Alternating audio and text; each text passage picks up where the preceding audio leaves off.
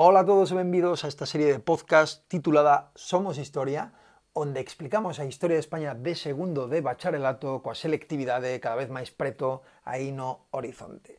Como sabedes, levamos tres episodios xa tratando de explicar o século XIX e ademais o facemos facendo coincidir cada posible composición de texto con un episodio. Así, o episodio 18 coincidía coa primeira posible composición, que era a crise da monarquía absoluta, O episodio 19 coa segunda, as Cortes de Cádiz e a Constitución de 1812, e o episodio 20 coa terceira, o regreso de Fernando VII e a restauración do absolutismo. Este episodio que estades escoitando agora, que se titula A construcción do Estado liberal, pois vos pide que expliquedes, por unha parte, que era o liberalismo, cando comeza a asomar a cabeza e que principios defendía, e por outra parte cales foron as diferenzas que foron xurdindo entre os liberais. Porque xa vos adianto que os liberais non permaneceron durante todo o século XIX como un bloque cohesionado e unido, senón que van a ir escindíndose formando tres ramas ou tres familias políticas que son os liberais moderados por unha parte, os liberais progresistas pola outra e os liberais demócratas eh, por último. Así que empecemos polo principio por definir liberalismo e por recordar o que é cando comeza a aparecer aquí en España.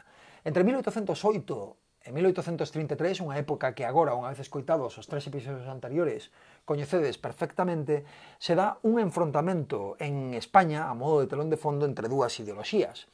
E ese enfrontamento é o, o a loita entre o absolutismo, que era o sistema predominante en España ata inicios do século XIX e o liberalismo que é a ideoloxía que ven a combatelo.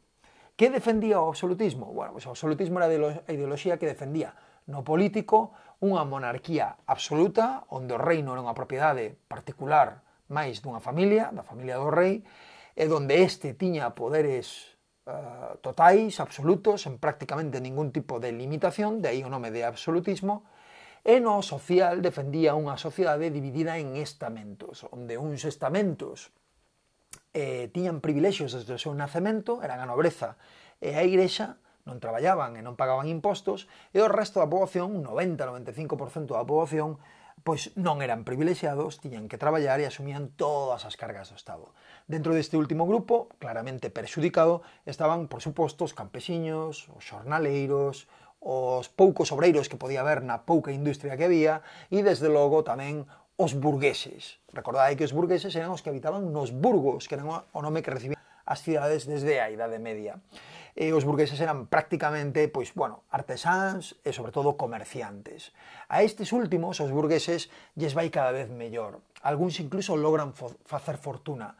Pero esta fortuna, estes beneficios económicos, este poder económico crecente que os burgueses van a lograr, sobre todo no século XIX, pois non vai acompañado de un prestixio, de uns privilexios, de un poder político, dunha influencia, pois eso, no político, porque o absolutismo non llo permite. A sociedade está claramente dividida e eles están no estamento dos non privilexiados, salvo que nazcas en nobreza eh, nunha casa non nobre non podes non podes adquirir eses, eses privilexios. Así que son eles, son os burgueses, os que van a loitar por desprazar o absolutismo e van a facer con unha nova ideoloxía chamada liberalismo. O liberalismo toma o seu nome precisamente de que se pretendía ampliar os dereitos e liberdades dos que gozaba a sociedade para leválos precisamente a quen non os tiñan, especialmente os burgueses. É por iso que o liberalismo é a ideoloxía que expresa claramente os intereses que tiña a burguesía. Bueno, cando comeza, agora que sabemos que o liberalismo en contraposición ao absolutismo, cando comezou o liberalismo a asomar, como digo, a cabeza, a empezar a verse, a, a reclamar o seu espazo? Bueno, pois en Europa comeza a finais do 18, coa Revolución Francesa, Porque é aí onde o liberalismo comeza a oparse ao poder, a desprazar o absolutismo e a facer unha Francia diferente á Francia absolutista, a Francia do antigo réxime. Pero en España o fai un pouquiño máis tarde, o fai precisamente desde 1808, desde a ocupación napoleónica e en concreto desde as Cortes de Cádiz. Porque son esas Cortes de Cádiz onde se reúnen os representantes dunha España ocupada polas tropas francesas, eses españois que ven o seu país ocupado por tropas napoleónicas, eses representantes das distintas provincias se reúnen en Cádiz e aproveitan a ocasión, como sabedes, para desprazar o absolutismo e intentar transformar esa España en algo liberal, en algo máis moderno. Que defende este que defenden estes estes liberais? Cales son os seus principios? Bueno, como sabedes antes de nada, a pesar da experiencia de Cádiz, Os liberais non van a lograr prácticamente gobernar porque Fernando VII regresa e deroga, abole, suprime, anula a Constitución de Cádiz. E salvo o curto experimento do trienio liberal, tres anos de liberalismo, nos que Fernando VII se viu obrigado a xurar a Constitución a regañadentes, estuvo todo o rato conspirando contra ela, contra a Constitución e o trienio liberal, ata que logrou acabar con el, pois salvo ese curto episodio durante todo o reinado de Fernando VII non se implanta o liberalismo porque el se pecha nese, nesa cerrazón e quere continuar co absolutismo. Pero como digo, a morte de Fernando VII en 1833 vai abrir un resquicio, vai a deixar unha porta entornada pola que os liberais van a poder van a poder entrar. Vale, esa porta entornada, ese resquicio, eh, o conforma a pragmática sanción. Por qué? Porque cando Fernando VII está próximo a morrer, Ante a falta de descendentes varóns, el sabe que a coroa non vai a pasar ás súas fillas. A coroa, en aplicación da lei sálica, que era unha lei que había en España desde había varios séculos, a coroa debía pasar a un varón. Se non tes fillos, a un irmán. Así que o irmán Don Carlos, o irmán de Fernando VII, se veía xa como lexítimo herdeiro. Pero como digo, no, case no seu leito de morte Fernando VII aproba a pragmática sanción que deroga a lei sálica e permite, pasa a permitir que as mulleres ocupen o trono. Así o trono, a morte de Fernando VII, de repente pasa a súa filla Isabel, a súa filla maior, que daquela, hai un pequeno problemiña, ten tres anos de idade. Por lo tanto, non vai a poder gobernar, o vai a facer a súa nai María Cristina en calidade de rexente, ata que Isabel sea maior de idade. Evidentemente, isto da pragmática sanción e de que a coroa pase a esta nena de tres anos chamada Isabel non vai a gustar, como digo, ao irmán de Fernando VII, que se vía como lexítimo herdeiro. Así que aí comezan unhas guerras, as guerras carlistas, que en realidad é unha guerra civil polo trono, pero tamén unha guerra ideolóxica. Por que? Porque Don Carlos vai estar apoiado polos partidarios do absolutismo. Don Carlos quere continuar coa monarquía absoluta quere continuar co antigo réxime e vai a ser a nobreza e a igrexa máis recalcitrante a que apoie fundamentalmente a Carlos como pretendente a coroa. No outro lado, a rexente María Cristina e Isabel non van a ter máis remedio que apoiarse nos que non están a favor do absolutismo, que son, o sorpresa, os liberais. Así que a isto me refiro cando digo que a pragmática sanción deixou un resquicio, unha porta entornada, que permitiu aos liberais ser chamados a gobernar por María Cristina e Isabel, vale? que ven neles casi o único apoio ao que poden recurrir na súa guerra contra os carlistas. Bueno, agora que xa sabemos que o liberalismo contra que loitaba, a que, a que sector da sociedade beneficiaba e cando comeza a somar a cabeza eh, e, e a entrar no goberno en España, eh, agora que sabemos todo, todo isto do liberalismo, sí que podemos definir os seus principios. Bueno, o vamos a facer en contraposición ao absolutismo. Se o absolutismo defendía unha monarquía absoluta, o liberalismo vai a defender unha monarquía constitucional, é dicir, unha monarquía onde o poder do rei este claramente limitado por unha constitución. Se acabou o do poder absoluto. Ademais, lle vai a quitar poderes e os vai a separar para evitar abusos. É dicir, o liberalismo, en segundo lugar, aparte dunha monarquía constitucional, defende unha división de poderes. Así, o poder executivo, que é o de gobernar, debe estar eh, no, nun goberno que é elexido polo rei, vale? Así que o rei conserva gran parte do seu poder, o poder de facer as leis, de legislar, debe estar nas cortes, e o poder de xulgar aos que non cumpren coa lei debe estar nos tribunais. Se dividen os poderes para evitar abusos. A terceira característica é que defenden que a soberanía é nacional, non real. É dicir, o dono do reino, o dono da nación, non pode ser un rei ou unha familia. O dono da nación ten que ser a propia nación, representada polas súas institucións, fundamentalmente polas cortes. Lembrade que as cortes son pois, o parlamento do momento. Non? Aquí ven a cuarta característica que é a que vai a separar un pouco aos liberais, o sufraxio. Eles defenden que as cortes, esas depositarias da soberanía nacional, eses representantes da nación, as cortes deben ser elexidas por sufraxio.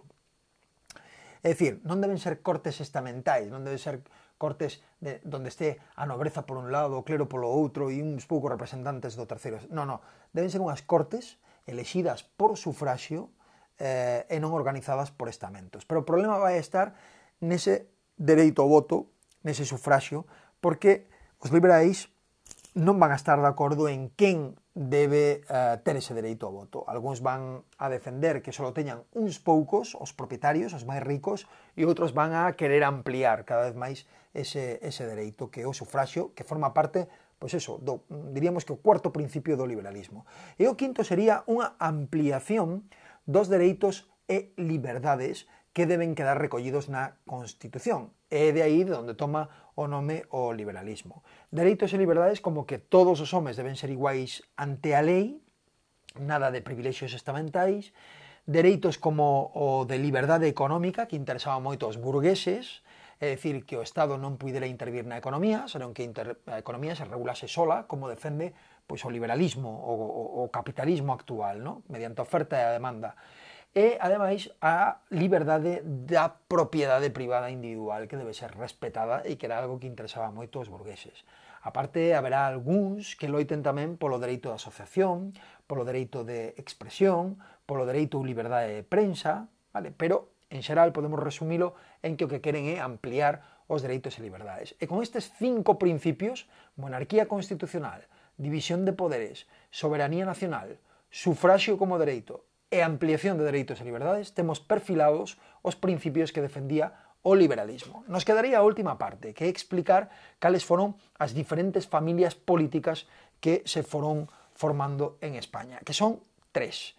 Por unha parte estarían os liberais moderados ou partidarios do liberalismo doutrinario, do, do liberalismo máis eh, primario, digamos, do primeiro que apareceu. Estes van a ser mayoritarios ata mediados do 19, os moderados, digo, porque eh, foron os que pasaron máis tempo no goberno, os que exerceron máis tempo o poder, os que eran os predilectos dos reis, da raíña neste caso de Isabel II e tamén das élites económicas, pola súa moderación precisamente. Liberais sí, pero con orde, non vai a ser que haxa unha revolución que me quite o que teño, non?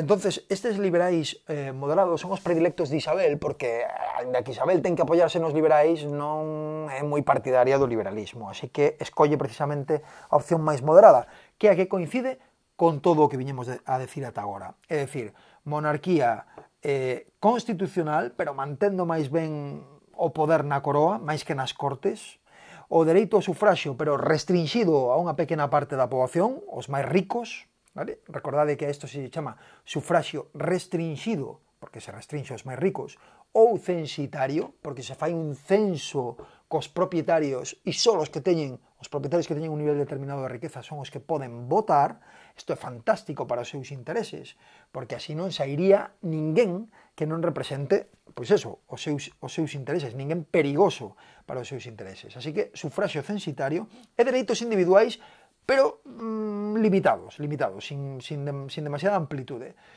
E por último, defenden tamén un Estado confesional, é dicir, donde a religión oficial do Estado sexa o catolicismo. Este é o liberalismo moderado ou doutrinario.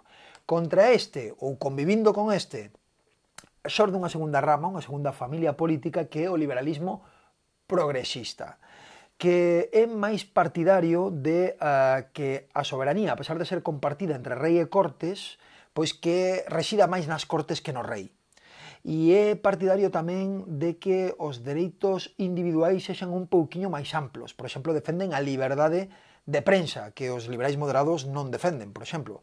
Ou a liberdade de culto, que non haxa unha religión oficial no Estado, senón que haxa, o Estado sexa a confesional e haxa tolerancia religiosa.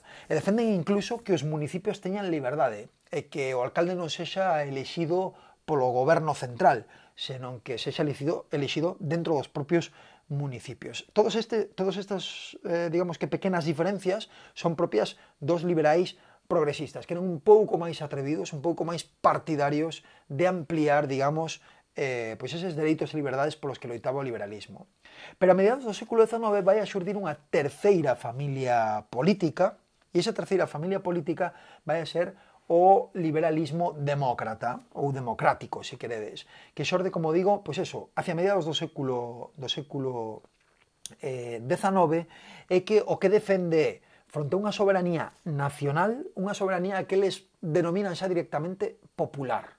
É dicir, non a soberanía non reside nas institucións, reside no povo que o que elixe aos que van a estar nas institucións, os representantes, aos que van a estar nas cortes, por exemplo. Soberanía popular en vez de soberanía nacional, que era o que defendía o liberalismo moderado, ou de soberanía real, que era o que defendía o absolutismo. Primeira característica, polo tanto, soberanía popular. Segunda, defenden o sufraxio, pero ollo, universal. Que quere decir isto? Pois que pode votar todo o mundo. Bueno, todo o mundo non. Solo os homes, sufraxio universal masculino. Non podemos falar de dereito ao voto nas mulleres ata ollo, ata a Segunda República, en pleno século XX, vale? sufraxio universal masculino para escoller tanto o goberno como os que van a estar nas Cortes. Separación de poderes, obviamente, para evitar abusos. E amplos dereitos e liberdades, pero para todos. Dereitos e liberdades eh, amplias, vale? Dereito a prensa, dereito a asociación, dereito a expresión. Eh, eran cousas que non, non todos os liberais pedían. Unha separación estricta e clara da Igrexa e Estado con tolerancia religiosa e todos estes principios, como digo, especialmente o de sufraxio universal, que é o que os diferencia máis dos progresistas, eh, e os que van a quedar recollidos no sexenio democrático, é dicir, despois da expulsión de Isabel II, que é algo que explicaremos no seguinte capítulo. Na Constitución de 1869, os principios que defendía o liberalismo democrático son os que van a quedar recollidos. Por lo tanto, España vai a pasar a ser, por fin, unha monarquía parlamentaria onde o rei reina, pero xa non goberna, porque hai unha constitución que limita o seu poder, hai unhas cortes que son elexidas por sufragio universal, hai uns poderes que están separados e hai unha ampla cantidade de dereitos e liberdades, entre eles o da tolerancia religiosa, porque Igrexa e Estado se separan. Xa podedes intuir que o sexenio democrático, como se chamou precisamente porque triunfa esta última familia política, os liberais demócratas, este sexenio democrático que tuvo monarquía e tuvo república, as dúas cousas, eh, vai a ter moitos inimigos. E é por eso polo que só durou seis anos. Pero eso explicarémoslo no próximo capítulo, así que espero tervos resultado da axuda, comentade, achegade o que queirades, criticade se queredes tamén para poder mellorar estes podcasts. Nos vemos no seguinte. Moito ánimo, ata pronto.